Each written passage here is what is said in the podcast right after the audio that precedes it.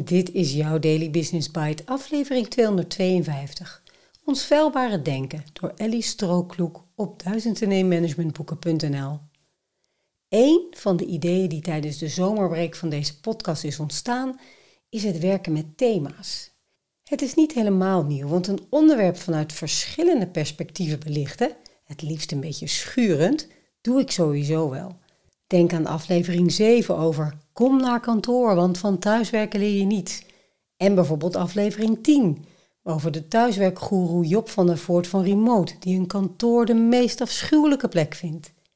Deze week dus een themaweek over communicatie en dan specifiek invloed en impact. En dan kunnen we natuurlijk niet om Cialdini en Kahneman heen.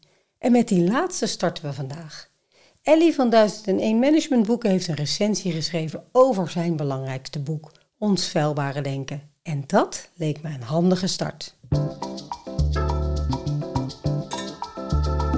Je luistert naar Daily Business Bites met Marja Den Braber, waarin ze voor jou de beste artikelen over persoonlijke ontwikkeling en ondernemen selecteert en voorleest.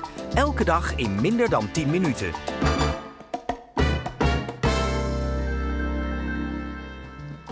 In juni 2012 volgde ik de verplichte training Professioneel Kritische Instelling bij het NBA. Tegelijkertijd las ik een boek waarin de illusie van experts wordt beschreven. Mensen die meer weten voorspellen iets beter, maar mensen met de meeste kennis zijn vaak minder betrouwbaar dan pijltjes gooiende apen. Dit komt dan deels door een te groot vertrouwen in eigen vaardigheden, waardoor het zicht op de werkelijkheid wordt verloren. Een ander hoofdstuk gaat over intuïties of formules. Hierin wordt een onderzoek beschreven waarin een simpel algoritme de toekomstige prijzen van jonge wijnen voorspelt en veel nauwkeuriger blijkt te zijn dan de beoordelingen van wijnexperts. Het boek onderbouwt wetenschappelijk en humoristisch datgene wat het MBA ons wil overbrengen. Ons oordeel kan onbetrouwbaar zijn. Het betreffende boek is Thinking Fast and Slow, ons feilbare denken van Daniel Kahneman. Het managementboek Ons Veilbare Denken beschrijft Kahnemans leven van onderzoek doen naar de principes van beslissingen nemen.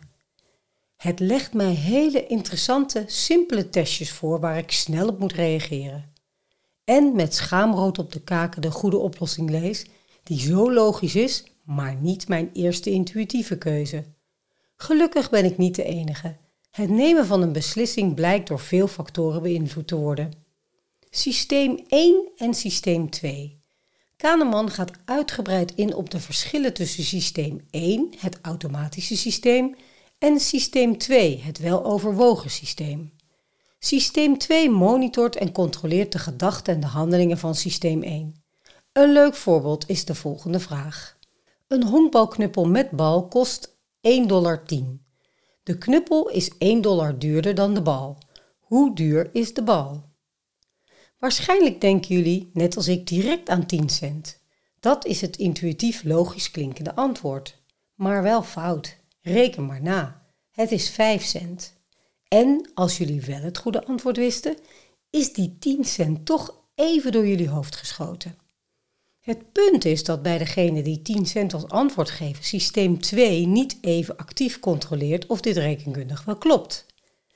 Meer dan 50% van de duizenden studenten van Harvard die deze test deden, gaven het foute antwoord. Bij minder prestigieuze universiteiten was dit meer dan 80%. Veel mensen hebben te veel zelfvertrouwen en hechten te veel waarde aan hun intuïtie. Hun systeem 2 is lui.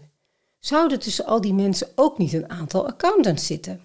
Uit een onderzoek van Kahneman in de 80er jaren onder 101 accountants bleek dat als zij de betrouwbaarheid van interne controles van ondernemingen moesten beoordelen, zij in 20% van de gevallen bij het opnieuw beoordelen van precies dezelfde casussen binnen dezelfde test op dezelfde dag een andere conclusie trokken.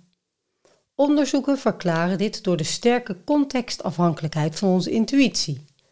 Een koel briesje op een hete dag maakt ons net iets positiever over iets wat we op dat moment moeten beoordelen.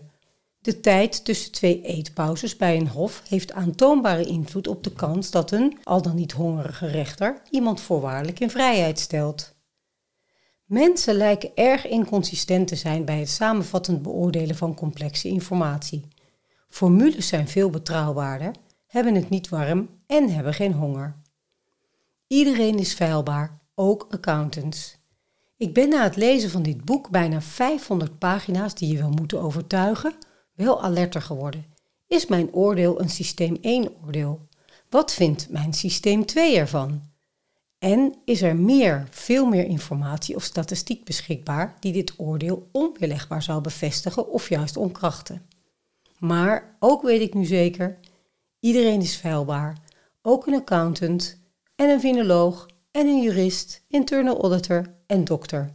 Dat wist ik intuïtief al, nu weet ik waarom. Met de statistieken om dat te onderbouwen. Een geweldig boek, ik geef het vijf sterren.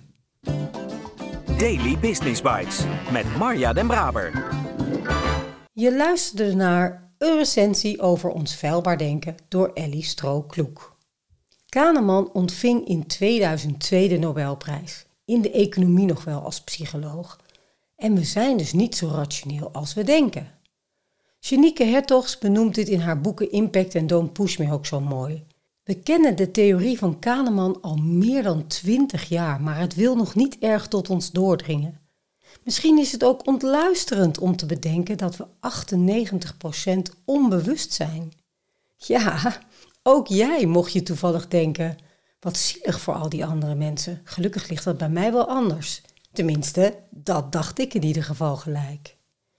Deze week nog veel meer over onbewustzijn, invloed, impact en hoe je uiteindelijk gewoon fijner met elkaar kunt communiceren en samenwerken. Het gaat wel iets vragen van je ego, dus daar bereid ik je alvast op voor. Ik spreek je graag morgen weer.